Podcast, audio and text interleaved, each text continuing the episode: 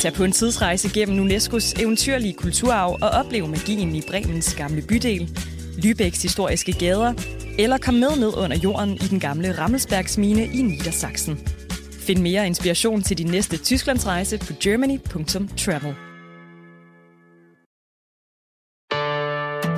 freedom, liberty, democracy. You could take the five worst presidents in American history Trump won't do what an American president must do. and put them together, and they would not have done the damage Joe Biden has done. He refuses to denounce political violence. Are you getting ready? Is democracy still America's sacred cause? Jakob Heinl, hvad tænker du, du skal lave, når du engang bliver 82 år? Der var sådan en øh, forside på øh, Robert Murdochs New Yorker tabloid øh, New York Post i sommer. Det var et billede af Biden, der lå i en øh, strandstol øh, ude ved havet i Delaware. Og der lå han sådan set og lignede det, han er. En, øh, en ældre ma- mand, der slappede af i solen. Øh, og, øh, og forsiderubrikken var så Old Man and the Sea, men i stedet for Sea, så var det så tre sætter, altså den gamle mand, der var ved at falde i søvn. Og jeg synes egentlig, jeg blev egentlig lidt trist, da jeg så den forside, for jeg tænkte, det er da sådan, jeg også gerne vil ende, når jeg er 81 eller 82 år gammel. Jeg vil da gerne ligge og kigge ud på vandet øh, og slappe af, men det kan Biden ikke, for han er USA's mest magtfulde mand. Du er i Florida, Heinl. Øh, Det er jo seniorernes paradis. Hvad laver de 80-årige dernede? Jamen, de øh, tuller jo rundt og, øh, og hygger sig, står alt for tidligt op og spiser alt for tidligt aftensmad og øh, slapper af øh, i solen og går rundt med deres øh, små øh, lyserøde kasketter på. Og der er jo altså også mange af de amerikanere, der netop bor hernede, der godt kan lide den tidligere præsident. Så de laver det, som man sædvanligvis gør, når man er i 80'erne, og mange af dem kan godt lide Donald Trump. Ja,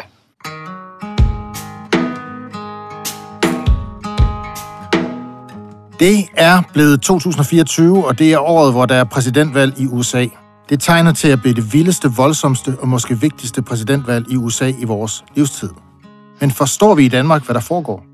På banen skal vi gerne fortælle om USA og det amerikanske præsidentvalg på andre måder end alle de andre, og vi vil også gerne fortælle historier om USA, du ikke får i andre medier. Derfor har jeg åbnet en amerikansk saloon, Toms Saloon. Her i saloonen vil forskellige gæster, som du kender fra banen, skal gennem hele året skal igennem al støj og spin omkring det amerikanske præsidentvalg. Og der er nok at skære i. Jeg hedder Tom Jensen, jeg er chefredaktør på Berlingske, og jeg er bartender her i saloonen. Velkommen til Toms Saloon.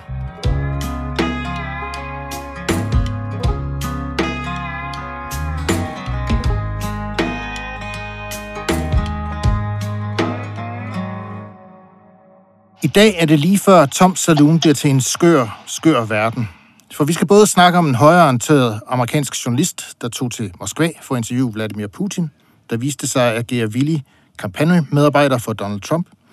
Om uh, Trump, der måske, måske ikke vil lade Rusland invadere NATO-lande, der ikke betaler nok til militæret.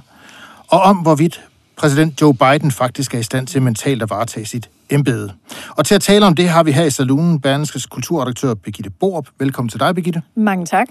Og med os fra Florida, som sagt, har vi også Berlingskes USA-korrespondent Jakob Heinlen Jensen. Velkommen også til dig, Jakob. tak skal du have, Tom. Og jeg vil godt øh, lige indlede med sådan et helikopterblik på den øh, uge, vi har været igennem i USA. Øh, først skal vi høre Donald Trump tale om, hvorvidt han vil komme NATO-lande til undsætning, hvis Rusland angriber. If we don't pay and we're attacked by Russia, will you protect us? I said, You didn't pay? You're delinquent? He said, Yes, let's say that happened. No, I would not protect you. In fact, I would encourage them to do whatever the hell they want. You got to pay. You got to pay your bills. Det var Trump. Så skal vi høre Tucker Carlson, amerikansk øh, konservativ øh, journalist, som tog til Moskva for at interviewe Vladimir Putin.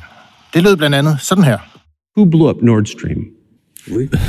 you for sure. I was busy that day.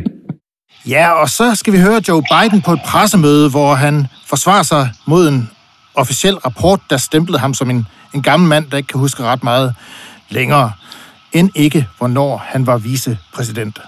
President Biden, something the special counsel said in his report is that one of the reasons you were not charged is because, in his description, you are a well meaning elderly man with a poor memory. I'm well meaning and I'm an elderly man and I know what the hell I'm doing. I've been president. And I put this country back on its feet. I don't need his recommendation. It's How totally bad out. is your memory, and can you continue as president? My memory is so bad I let you speak. That's uh, that's that's my, feel your memory has gotten worse, No, Mr. look, President? My memory is not good. My memory is fine.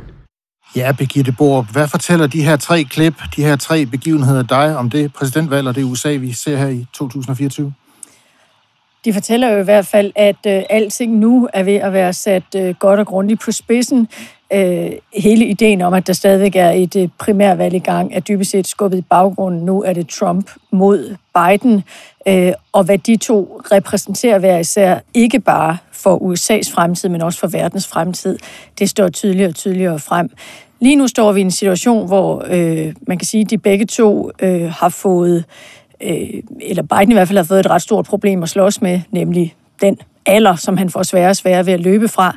Og samtidig så har Trump tydeligt demonstreret, at der ved Gud i himlen kommer nye, eller i hvert fald måske nærmere de samme boller på suppen, når han bliver præsident igen i forhold til, den, øh, til det udsyn og den internationale politik, som han jo også lagde for dagen sidste gang. Jeg ved ikke, hvordan du har det, men jeg har det sådan lidt sådan samlet set, når jeg kigger på det her. Så kan man godt få en smule ondt i maven. Ja, men det er der jo også alt mulig øh, grund til at få, i hvert fald hvis man ønsker sig en verden, som skal blive ved med at ligne sig selv, fordi der er ikke noget, der tyder på, at verden, nærmest uanset hvordan det her valg kommer til at forløbe, vil blive ved med at være den samme. Der er simpelthen nogle kræfter i gang i USA, og det er et land, der er i så massiv forandring, at meget kommer til at være anderledes øh, efter november 24. Heinl, fra din øh, plads vest på en diner i Florida, er det ikke rigtigt? Jo, Øh, ja. Bare sådan lige kort indledningsvis, så kommer vi længere ned i de enkelte historier. Hvordan har reaktionerne i USA været sådan på Tucker og Trump og Bidens optrædener i den her uge? Hvordan taler folk om det i USA? Jeg vil sige, den, den, den historie, der egentlig har fyldt mest af de historier, de tre historier, det er faktisk den om, øh, om, øh, om Bidens alder øh, og, og det her famøse pressemøde øh, i sidste uge. Øh, og det er selvfølgelig nok også fordi, at øh, NATO-historien jo, så det er ikke fordi, den ikke fylder meget i USA, men den fylder jo måske også lidt mere i Europa, fordi at det øh, i virkeligheden øh, er også det går ud over, kan man sige, hvis, øh, hvis, hvis Trump gør alvor i sine trusler. Og jeg tror simpelthen, at sagen om Bidens alder, den eksploderede på en måde, hvor det er meget, meget svært for demokraterne på nuværende tidspunkt også at ændre det narrativ. Det øh, er simpelthen øh, flyttet ind i øh, også de meget liberale medier. Alle stiller sig selv det spørgsmål nu, jamen, øh, hvad kan vi gøre på nuværende tidspunkt? Er der noget, øh, vi kan gøre for at stoppe det her tog øh, nu? Fordi det er jo tydeligt for enhver, at Joe Biden er en meget, meget gammel mand.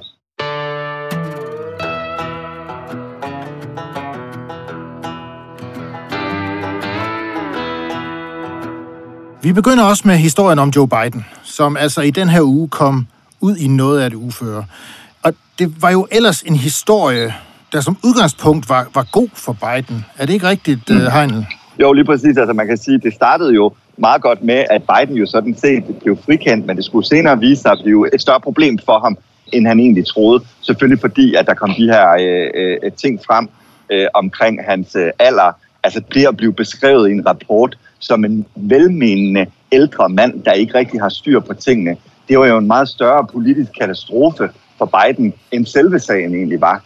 Så det var virkelig en katastrofal dag for Biden i torsdags. Prøv lige at, øh, at tage lytterne med ind. Hvad var det, Biden helt præcis blev frikendt for? Jamen, tidløbende med sagen om Trumps øh, papirer i øh, Mar-a-Lago, der har der jo også været øh, dokumenter, som Joe Biden har øh, opbevaret øh, hjemme hos sig. Øh, øh, og det må man jo ikke, når man øh, forlader øh, det hvide hus. Øh, så, øh, så er de papirer, man, øh, man har, det er jo, øh, øh, hvad hedder det, øh, det er jo USA's eje, og ikke hverken øh, Joe Biden eller Donald Trumps øh, ret til at eje det. Og den her rapport, den skulle ligesom undersøge, om Biden havde gjort noget øh, decideret ulovligt ved at opbevare øh, de her øh, dokumenter.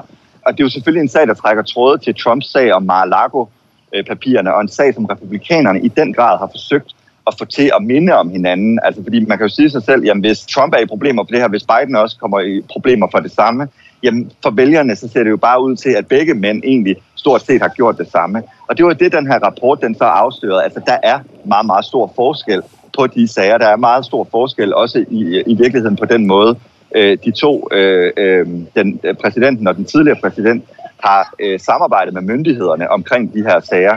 Øh, øh, så, så man kan sige, at Biden bliver frikendt, øh, og, og, og nu venter øh, Mar-a-Lago-papirerne, sagen med Donald Trump, øh, øh, så øh, ude i horisonten. Men, men altså, spørgsmålet er bare, om vi kommer så langt, fordi at det, der stod i rapporten om Bidens alder, simpelthen var så skadende for ham.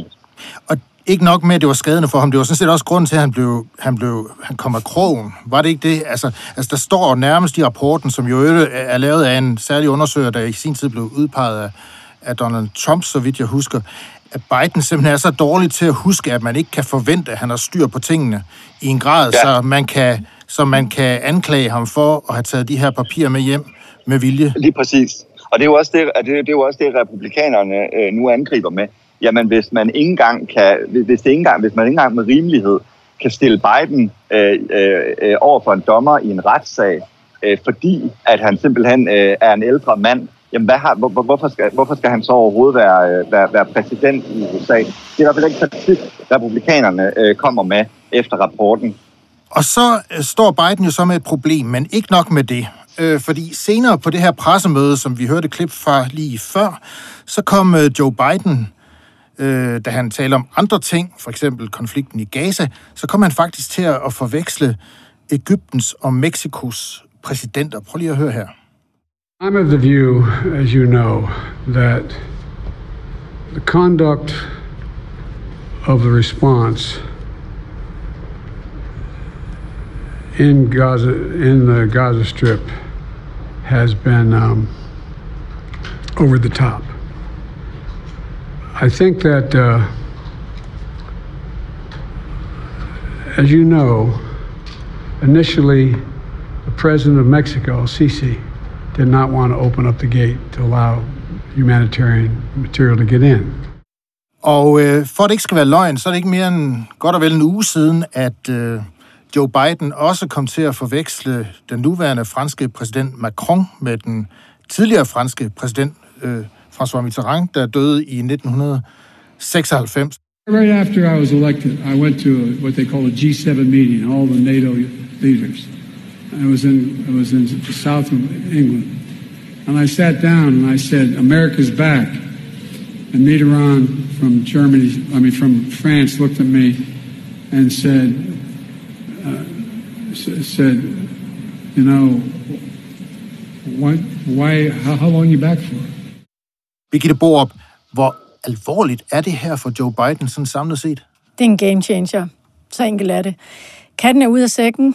Det kan ikke længere nu fornægtes, at Bidens alder har en indvirkning, øh, formentlig også på hans øh, virke som præsident. Og den opfattelse forstærker Biden jo ved, at han her står og klummer i det og tror, at al-Sisi, øh, Ægyptens præsident, er præsident for Mexico, øh, hvilket kun er et af en lang række episoder. Øh, der bliver jo grinet af nu i USA, at der er ikke noget at sige til, at, at immigranterne strømmer over grænsen til Mexico, hvis Biden står og ringer til Ægypten hver gang han, han skal tale med den meksikanske præsident. Og den der type øh, latterliggørelse er, er, har Biden jo gjort sig skrøbelig overfor. Øh, hele øh, ideen om, at alder ikke betyder noget for hans evne til at være amerikansk præsident, den er dybest set udslettet, og det er den også i selv de venstreorienterede medier, som jo har været meget venlige over for ham. Øh, det spørgsmål, det mest kritiske spørgsmål, der blev stillet på den preskonference, som vi hørte et klip fra før, blev stillet af CNN-journalist, Biden skød tilbage ved at sige, det var hendes judgment, altså det var hende, øh, hendes vurdering, og, og måske hendes fordømmende vurdering endda, øh, som hun udtrykte. Men sandheden er, at hun talte for at stille spørgsmål på vegne af en meget, meget stor majoritet af amerikanerne. Målinger viser, at det her det drejer sig om øh, noget i omegnen af 75 procent i hvert fald af vælgerne, som opfatter Joe Bidens alder øh, som noget, der bekymrer dem. Og det er Biden med den undersøgelse, der nu ligger udarbejdet af Robert Hur, der jo blev nedsat som øh, undersøger af Bidens egen justitsminister. Det han skriver i sin rapport, det har nu katapulteret den her dagsorden et sted hen, hvor den er uomgængelig, og det er den også for Biden selv. Biden er gammel, det har en indvirkning på hans måde at være præsident på, længere er den ikke. Så det, der har været sådan lidt et tabu, måske især i, i de liberale medier i USA og i liberale kredse, det, det kan man ikke komme udenom nu, uanset hvordan han i virkeligheden har det. Det er umuligt at komme udenom. Og det, ja, det har været et tabu, øh, men det er jo også blevet gjort til et tabu. Der er masser af venstreorienterede kommentatorer, der har kaldt det ageism. Altså, de har forsøgt at gøre det, som sker i samfundet i stor stil. De har gjort Bidens alder til noget kulturelt, altså noget, som nogen forholdt sig negativt til, fordi de opfattede det som forkert, og ikke til en fysiologisk omstændighed. Og det er jo dybest set det, nu står det sort på hvidt, det er helt konkret det, der står i rapporten, at Biden for eksempel ikke kan huske, hvilket år hans øh, søn Bo døde. Øh, det gjorde han jo i 2015. Han er også øh, i tvivl om, hvilken periode det egentlig var. Han var vicepræsident. Altså hele den der øh, afhøring af, af Biden, som øh, danner grundlag for rapporten, har simpelthen afsløret en mand, som ikke har øh, et særligt godt overblik over hverken sit eget liv, og må man formode heller ikke over alt muligt andet. Så når du ser på det, altså hvad, hvad er udsigten, hvis øh, Biden stiller op igen, som det jo ser ud til, og hvis han bliver valgt? Jamen, jeg mener, hvis han bliver valgt, så vil det her jo komme til at forfølge ham ind i det hvide hus, og det vil også for mange jo få en betydning, når de sætter krydset ved Biden, så må de jo nu i endnu højere grad end før tænke igennem, om de også er villige til at stemme på Kamala Harris, hans relativt upopulære vicepræsident, som jo nu er rykket øh, tættere på magten. Men det får også en betydning, hvis han ikke bliver valgt, og det er måske mere alvorligt for ham. Han risikerer at være den, der insisterede på at stille op, selvom han var gammel, og på den måde forærede magten til Trump. Så Biden står i en no-win situation. Ja, så man kan sige, det er jo i hvert fald en foræring til Bidens politiske modstandere, det her. Og den tager de jo godt imod, kan man sige. Øh, den er de jo ikke for sene til at udnytte. Vi skal lige høre et klip med den konservative vært, Megyn Kelly, hvor hun øh, lige tager os med på en tur gennem Bidens kognitive udvikling med brug af udvalgte taler siden 1993. Det tager en lille minuts tid, men det, det, det er meget frygteligt at høre på på mange måder. The end result is they're about to knock my mother on the head with a lead pipe, shoot my sister, beat up my wife, take on my son. Jack Kennedy lowered tax rates, increased growth. Ronald oh, Reagan. Now you're Jack Kennedy. In America, we never bow. We never bend. We endure. We move forward. We are America, and we are second to none. Your party wants to go socialist My medicine party is and me. socialist right healthcare. now. I am, and the they're going to dominate Party. you, Joe. You know that. I am the Democratic Party right now. Much more informed on the um,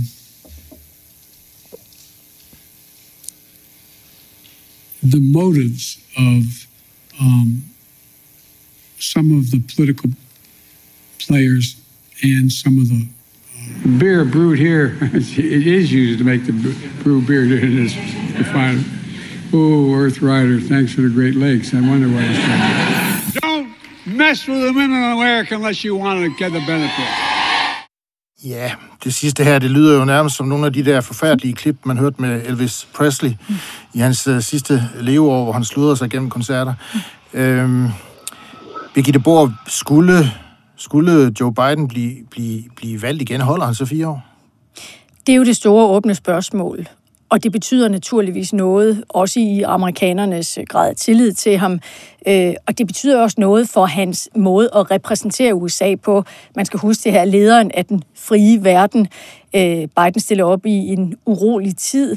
Øh, og øh, en præsident har jo også som opgave at være tryghedsskabende. Det her handler jo ikke kun om, at man kan masse øh, infrastruktur, forslag osv. gennem kongressen, fordi Bidens politiske resultater, som han jo selv og mange andre har fremhævet, øh, er der sådan set ikke rigtig noget udsæt på. Han har fået meget igennem i en tid, hvor det er meget vanskeligt øh, i et dysfunktionelt øh, politisk amerikansk system.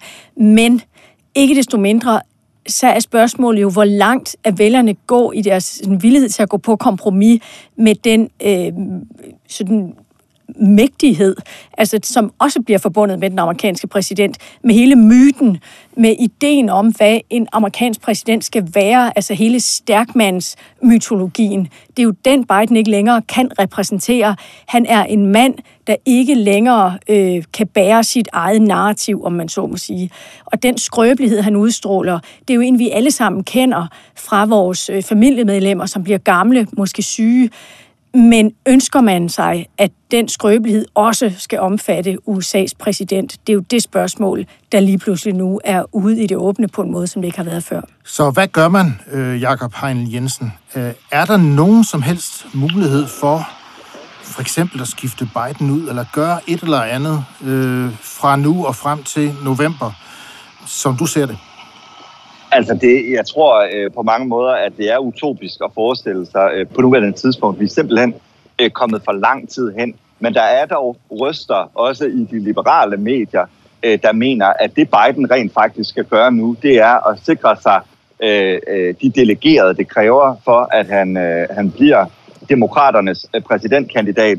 Og så til konventet i Chicago til sommer, jamen så skal han smide en bombe foran hele verden. Han øh, stiller ikke op som USA's præsident, men i stedet for, så vil han lade demokraterne til konventet bestemme, hvem der skal være demokraternes præsidentkandidat. Øh, På den måde, så smider han ikke Kamala under bussen, og så lader han demokraterne øh, ligesom selv tage stilling til, jamen hvem kunne det så blive i stedet for ham.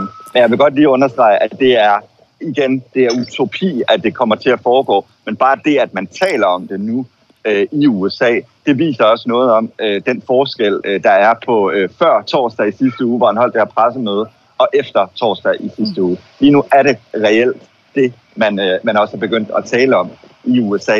Kan der ske et eller andet? En, en kæmpe game changer til, øh, til, til konventet til sommer.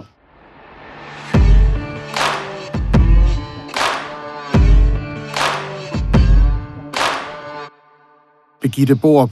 Øh, vi har jo været lidt i den her situation før, eller USA har været lidt i den her situation før, med en præsident, som man tænkte, overlever han næste periode. Altså 1944 øh, stillede Franklin D. Roosevelt op for fjerde gang. Mm. Han var meget, meget fysisk svækket. Øh, hans inderkreds øh, vurderede, at det måske var usandsynligt, at han ville overleve de næste fire år. Og han havde en meget venstreorienteret vicepræsident, øh, mm. Henry A. Wallace hed han, som han så skiftede ud med Harry S. Truman, og der gik 82 dage fra Roosevelt blev indsat igen, til han døde, og Truman blev præsident. Er det en mulighed at skifte Kamala Harris ud? Jeg vil faktisk sige det samme, som Jakob sagde før. Altså, jeg synes, det er for sent i forløbet, fordi den mulighed havde Biden jo, da han besluttede sig for at genopstille. Han lavede oprindeligt op til at være en enperiodes øh, præsident, og der har han jo ombestemt sig. Øh, og, og der er han jo, som man kan sige, i, i det forløb, der var, kunne han jo godt, der var Kamala Harris jo allerede upopulær. Men nu er han så langt henne. Plus, jeg vil også sige, selvom Biden han vælger nu at skifte enten vicepræsidentkandidaten øh, ud, eller han vælger selv at gå, så kommer det til at klæbe til ham, hvis Trump går hen og vinder, øh, fordi han har fået skabt en proces her, som det demokratiske parti ikke kan styre. I USA kræver det en meget høj grad af name recognition. Det er en genkendelighed blandt vælgerne øh, at, at brænde igennem og blive valgt. Det var en af grundene til, at Biden selv blev valgt øh, som præsident i 2020. Øh, at folk stolede på, at det var en person, de kendte og havde kæmpet gennem årtier. Og nu er han altså i en situation, hvor han ikke har givet plads til, at en ny, yngre kandidat kan komme i en lignende situation. Så jeg, jeg, jeg synes, uanset hvad Biden gør herfra, så bliver det svært for ham. Måske er hans bedste håb det, han har bygget sin kampagne op omkring, nemlig at frygten for, hvad Trump kan finde på, hadet til Trump blandt mange amerikanere, er så stort, at de er villige til hvad som helst selv at stemme på Biden. Og det med frygten for, hvad Trump kan finde på, det skal vi, øh, det skal vi til at bevæge os over til nu. Men først skal vi lige øh, stifte bekendtskab med et karakteristisk grin.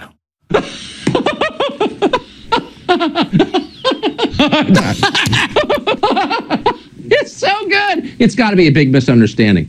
Ja, Birgitte Borg, hvem er det, vi hører grine her? Ja, man skulle tro, at det var fra øh, Amadeus, den der film om Mozart, hvor han havde sådan en lignende grin, men det er rent faktisk øh, Tucker Carlson, øh, amerikansk øh, journalist, øh, showman, dybt konservativ øh, og øh, en, en arv øh, støtte af øh, hvad skal man, den strømning, som Trump øh, repræsenterer.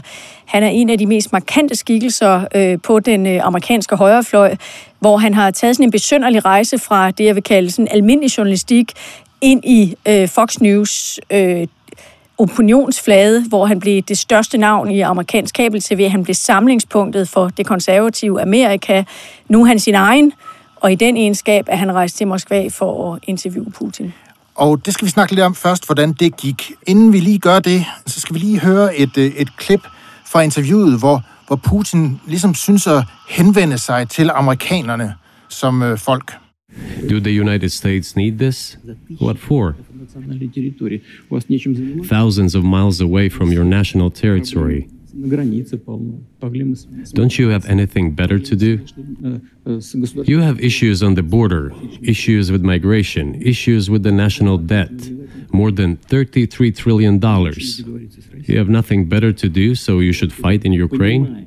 Ja, det Putin altså siger her, det er, hvorfor i alverden bruger I amerikanere kræfter på krigen i Ukraine, mellem Rusland og Ukraine, når I har jeres egne problemer at slås med hegnen. Hvad tænkte du, da du sad og så det her interview? Jeg blev faktisk sådan en lille smule øh, overrasket over, hvor direkte Putins ord var. Også fordi, at de ord, der kommer ud af hans mund, det er jo en til en. Øh, de ord, der kommer ud af Donald Trumps øh, mund til, nu har jeg jo været til temmelig mange af de her Trump-rallies efterhånden. Det er også det, som Trump-vælgerne øh, siger. Det er simpelthen en til en øh, Putins øh, budskaber. Altså man kan sige, at Putin og Trump nærmest smelter sammen øh, i det her interview til en og samme person. Og så tænkte jeg også på, jamen måske er det i virkeligheden ikke så underligt, at det sker. For når du står i kø ude foran de her Trump-rallies og møder de her Trumpister, øh, når du så spørger dem, hvad er det vigtigste for dig, øh, for en amerikansk præsident, så siger de jo alle sammen, han skal være en stærk leder. Det er det, de mener om Donald Trump. Der er ikke nogen, der, øh, der, er ikke nogen, der tager røven på Trump. Dengang han var præsident, der havde, var USA respekteret øh, i verden, fordi de frygtede Donald Trump. Og, der, og, og hvis man ligesom tager det en mente, så, så, øh, så er det måske heller ikke så underligt, at der er den der sammenkobling mellem øh, øh, Putin og Trump. For det er jo også det, russerne mener om deres præsident, at han er en stærk leder.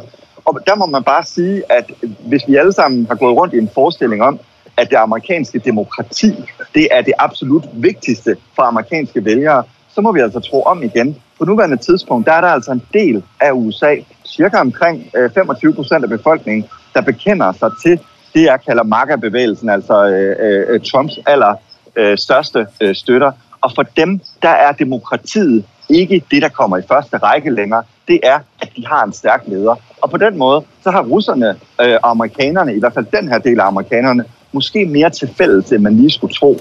At det er virkelig en, øh, altså, ja, det er alarmerende for, øh, for, øh, for, for folk øh, i, øh, i Vesten, vil jeg sige. Birgitte Borup, det her interview med Putin, var det en klassisk Tucker Carlson?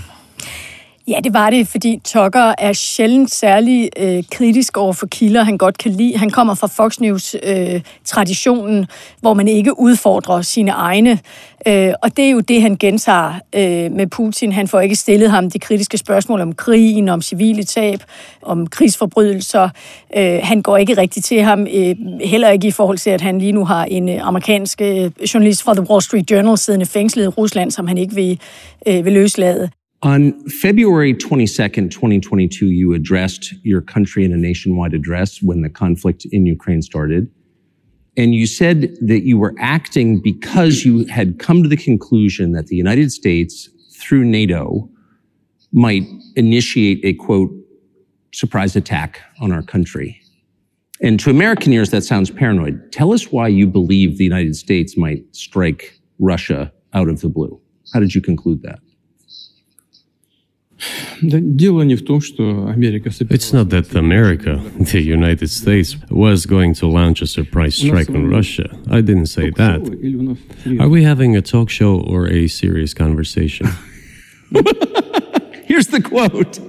Det var en klassisk Tucker Carlson, øh, og, og jo en påmindelse af øh, også, at der findes ud over Trump et globalt højere, fordi det, der er sket, er jo dybest set en autokratisering af amerikansk politik, som Trump repræsenterer, men som Tucker Carlson jo også repræsenterer ved at rejse rundt og omfavne Putin, Orbán, Bolsonaro og alle de andre rødder.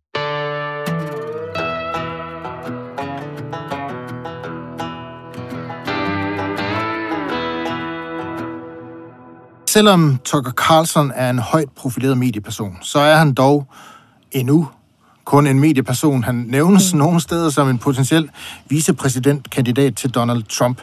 Men også den sandsynlige præsidentkandidat Trump meldte sig jo den forløbende weekend igen i debatten om krigen i Ukraine, og hvad den kan få at følge for NATO.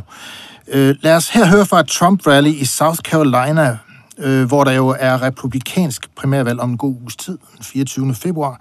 Og det her handler om, øh, hvorvidt Trump som præsident vil komme NATO-lande til undsætning, hvis Rusland angriber dem. One of the presidents of a big country stood up and said, Well, sir, uh, if we don't pay and we're attacked by Russia, will you protect us? I said, You didn't pay? You're delinquent? He said, Yes, let's say that happened. No, I would not protect you. In fact, I would encourage them to do whatever the hell they want. You got to pay. You got to pay your bills. And the money came flowing in. Trump siger altså, at hvis ikke man betaler, øhm, så vil han lade Rusland gøre, hvad fanden de, de vil ved selv øh, NATO-allierede. Der er ligesom to måder at læse det her på. Øhm, den ene er ligesom, at det her det er dødsens farligt for vores allesammens sikkerhed, især her i Europa. Og den anden udlægning, som måske især er, øh, man finder hos republikanske politikere i USA, der har reageret på det her, det er, at det er jo bare Trump-snak. Altså, sådan snakker han altid. Det kommer ikke til at ske. Øh, Birgitte Bohr, hvordan synes du, vi skal se på det her, på den ene eller på den anden måde? Jamen, jeg synes, vi skal se det som noget sådan relativt konkret. Man må så sige, at det her er jo et af de øh, områder, hvor man Trump har øh, politik har haft en, en effekt. Øh, NATO-landene har rent faktisk fået muldvarpen op i lommen, og jeg tror, det er 18 ud af øh, de 31, der nu har øh, betaler i hvert fald i de, de, eller har afsat de 2% af, af bruttonationalproduktet, øh, som de skal til, øh, til deres forsvar. Så der er sket noget på det her område. Det, jeg tænker, når jeg hører det, det er jo, at det er et præludium for, hvad det er for en øh, international politik, Trump kommer til at føre. Øh, det bliver America First Next Level. Han kommer til at, tror jeg, forsøge at trække øh, USA ud af NATO. Det bliver en, en trussel, der som minimum kommer til at hænge over de øvrige NATO-lande, og den i sig selv vil være ekstremt effektiv, både i forhold til at kratte penge ind, øh, men også i forhold til at skabe en usikkerhed om alliancen, som i sig selv vil bringe en øh, global uro med sig. Heinl, deler du, deler du den øh, analyse? Fordi man kan jo sige, altså det Trump jo, som, som Birgitte Borup her siger, faktisk fik held med, det var at sætte pres på Vesteuropa og få dem til at betale mere til deres forsvar. Kan man ikke se det her som sådan en, en ny presbal? Jo, det kunne man godt, øh, Tom, hvis man ikke vidste, hvad der foregik i den første øh, Trump-administration. Fordi allerede dengang, der bad Trump jo sine sikkerhedsrådgiver om at undersøge muligheden for at forlade NATO. Det ved vi både fra øh, tidligere forsvarsminister øh, Jim Mattis og John Bolton, som jo frarådede Donald Trump på det kraftigste øh, at forlade NATO. Så vi ved jo, at han rent faktisk mener det her ret alvorligt. Og der skal vi lige huske, at der er ingen af de to mænd, der formentlig kommer til at være til stede i en version 2.0 af Trump-regeringen. Spørgsmålet er jo, er der nogen, der vil holde ham tilbage? Og det, det tror jeg sådan set ikke, øh, der vil være. Også fordi, at Trump i, i nogen grad siden han har været præsident, jo også nu kun omgiver sig med folk, der er 100% øh, pro-Trump og er 100% øh, med i hans projekt. Og derfor tror jeg ikke, der vil være den samme modstand, som man måske så tidligere. Så jeg tror i den grad, at man skal øh, øh, frygte øh, øh, Trumps ord. Og det kan godt undre mig en anelse, at vi ser øh, for eksempel Lindsey Graham, senator, Marco Rubio, gå ud og, og øh, slå en latter op og sige, at ah, det er bare Trump, og, øh, og, øh, og han mener ikke noget med det. Øh, fordi de er jo samtidig dem, der går ud og siger, at Trump han var manden, der holdt sin, sit, sit ord. Han gjorde altid det, han sagde. Men lige præcis når det kommer til NATO, så er det ligesom om, de tror, ah, er han virkelig øh, så øh, vild, at han øh, kunne finde på at gøre det. Men, men det, alt taler jo bare for, men, at, at, øh, at det er han. Det, man skal bemærke her, efter Trump har sagt, at han vil opfordre Rusland til at angribe øh, de lande, som ikke kan betale eller vil betale. Det er jo det, han indirekte øh, opfordrer til. Det er jo bifaldet. Altså det her, det resonerer jo med de mennesker, der stemmer på Trump. Øh, den fløj hos i det republikanske parti, som er mest begejstret for Trump, de er 100% ubegejstret for Europa og for resten af verden. Øh, de er meget stålsatte i ideen om, at USA skal klare sig selv, at USA er stærkere end andre lande, at USA ikke skal bidrage. Og man kan sige, selv ude i den brede befolkning er der en, en sådan bredere opfattelse af nu, at krige i andre lande er spild af tid og spild af penge, og det er de blevet bekræftet i efter øh, at have tilbragt et øh, årti i Afghanistan, offret amerikanske soldaters liv, blot for at e-, hele endte i det, de opfatter som det rene ingenting. Så der er en strømning her, som er med Trump, hvordan vi indvender og drejer det. Så det, vi står tilbage med samlet set, det er en siddende præsident, som mm. i hvide kredse bliver betegnet som begyndende senil og ude af stand til at varetage sit embede, eller i hvert fald vil være det, hvis han bliver genvalgt. Og så har vi en modkandidat, som er i spidsen for en bevægelse, der ikke længere interesserer sig for at være medvirkende til at sikre vores sikkerhed i, i Europa. Birgitte Borup, øh, efter at have stået og talt her i en halv times tid om det, har du mere eller mindre ondt i maven? Jeg vil sige, at min øh, sådan øh, ondt i maven situation har været øh, relativt stabil i, i mange år efterhånden, fordi jeg tror, at jeg, ligesom mange andre, har udviklet en form for teflon. Vi har vendet os til, at øh, USA hele tiden bliver vildere og vildere, og at vi hele tiden skal forholde os til USA på en ny måde. Og man kan sige, at nu er det så NATO's musketered, der lige pludselig er til debat. Kommer det bag på mig? Nej, det kan jeg faktisk ikke påstå, det gør. Vi går ind i en verden, som er usikker, uanset hvilken kandidat, der bliver valgt. Og det at tro, at fordi Biden bliver præsident, at så er alt øh, godt og trygt og sikkert. Bidens alder i sig selv en påmindelse om, at det er en stakket frist. Og øh, Heinl på dineren i øh, Miami, Florida. Øh, får du ikke lyst til noget stærkere end en pandekage og en kop kaffe efter sådan en snak her? jo, det gør jeg, men øh, og som jeg også, øh, jeg vil også sige, øh, øh, øh, øh, som det Birgitte siger, altså det er jo en følelse, man har haft længe. Men jeg sidder også nogle gange med en følelse af, at jeg simpelthen ikke længere kan kende det land, som jeg er dybt fascineret af, og har været dybt fascineret af hele mit liv. Øh, der er simpelthen sket så meget de sidste 10 år. Amerikanerne er så splittet, øh, øh, at, øh, at, at det er meget svært at genkende det der land, der havde en, en fuldstændig vanvittig selvtillid, og som troede, at, øh, at de kunne alt, fordi de stod sammen, og fordi at de øh, var øh, verdens eneste supermagt. Og det er jo så også derfor, at øh, vi har valgt at lave den her saloon, fordi der er virkelig noget at snakke om. Tak til Birgitte Borup, tak til Jakob Heinl Jensen, tak for at være med her i Saloon. Toms Saloon er tilbage igen i næste uge, og jeg håber, du vil lytte med.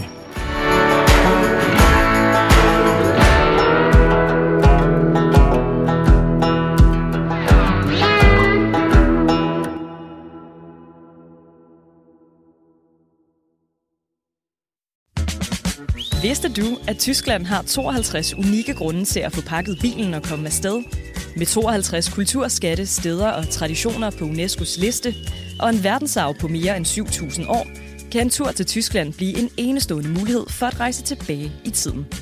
Find mere inspiration til din næste Tysklandsrejse på germany.travel.